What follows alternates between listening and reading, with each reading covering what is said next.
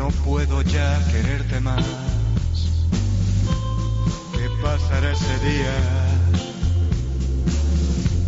Que no sienta como siento hoy. ¿Qué pasará ese día? Que no te dé lo que hoy te doy. Te estoy queriendo tanto que ya nunca pienso más en mí. Te estoy queriendo tanto que soy muy feliz si estás feliz. Los días y las noches son para quererte más y más. Te estoy queriendo tanto que te estoy acostumbrando mal. Y es que el amor no puede estar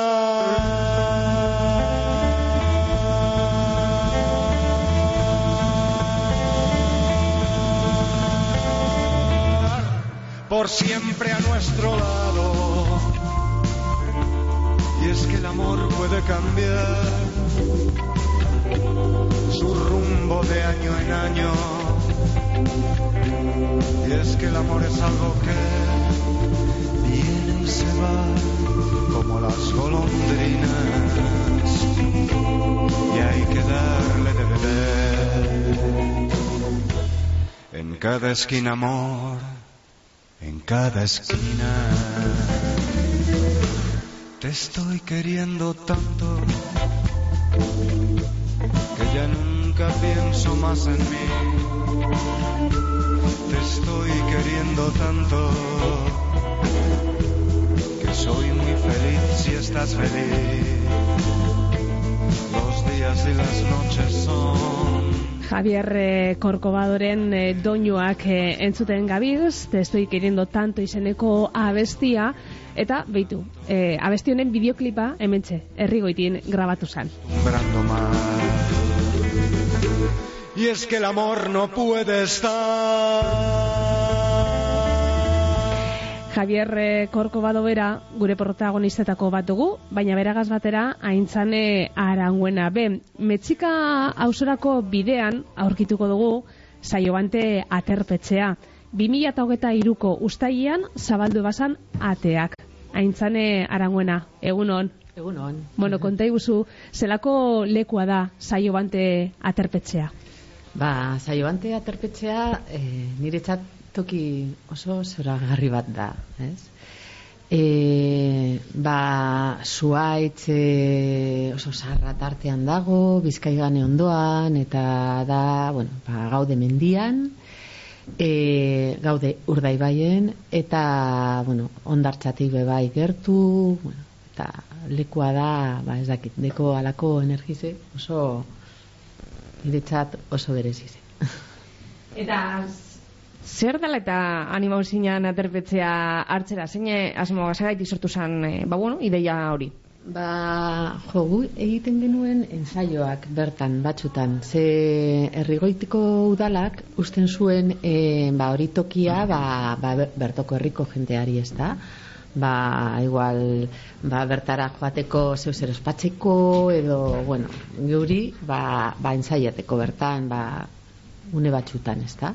Eta ni bertatik pasaten nintzenean, beti ikustea atokiz ez, eh? ja ni ba, bertan egonda, ba, asmatu zelako zea, zen tokia eta dena, eta pena ematen dit, e, e, e, ba, ikustea utxik dagoela, eta, bueno, bertan, han bakarrik, bueno, txokoa ondoan, no? baina, bueno, eta galdetu nion udaletxea, bueno, egon zen e, lizitazioan, ba, justo pandemia ondoren, bai?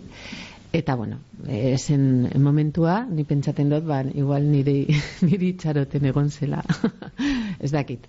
Pasadan urtean, e, ni galdetu nion e, udaletxea, nia hori ostabere urtengo bazen, ba, ba, lizitazioan, eta esan didate, bueno, esan dizte baietz, eta bueno, hemen gaude. Bertatik aurrera, ba, joan zen dena oso, oso askar, eta, bueno. Mhm.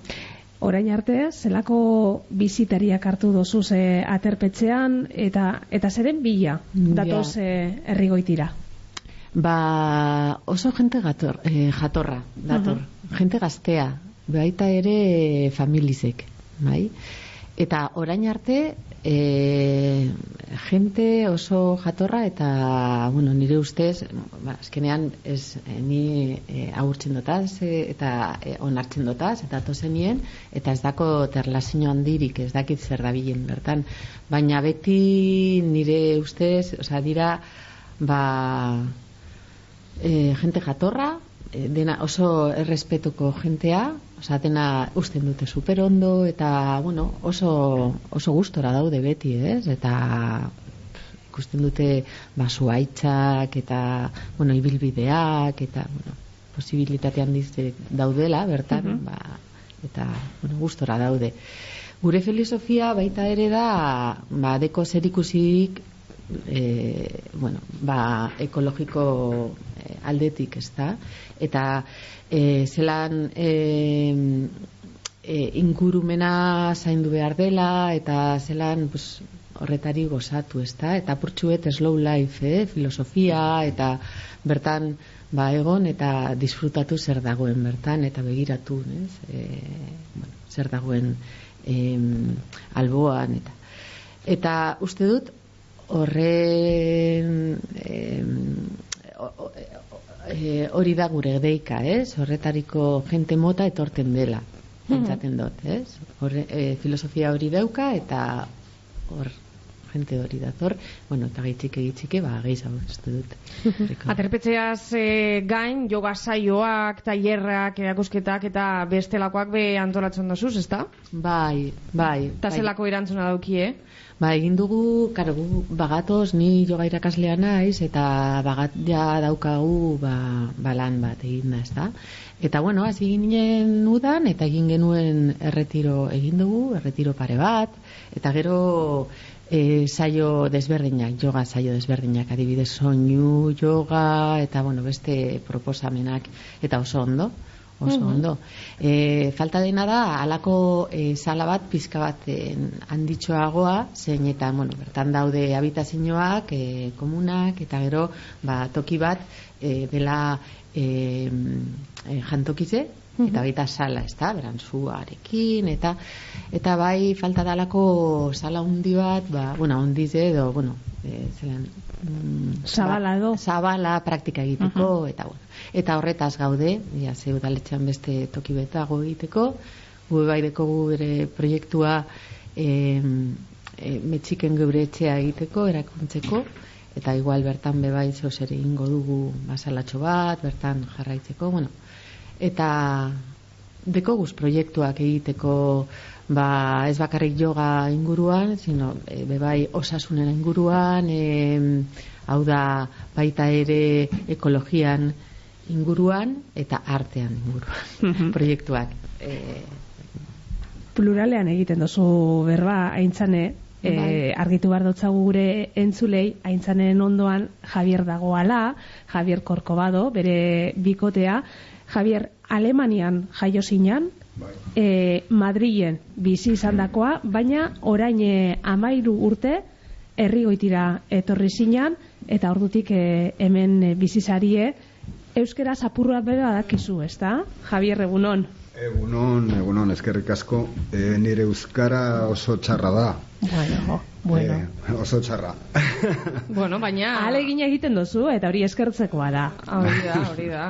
Ointala mair urte ez, e, etorri zinan, eta ba, hori da, e, ahalegina, ba, bueno, ondo, ondo. ondo dau. Eta zelan e, herri goitin, herri honetan. Posik, E, pozik, oso pozik. E, bueno, e, pues, e, maite mindutanago sustraiak jarri ditudan herri honetaz eta oso ondo hartu naute. Dagoeneko herri goitiarra sentitzen dut.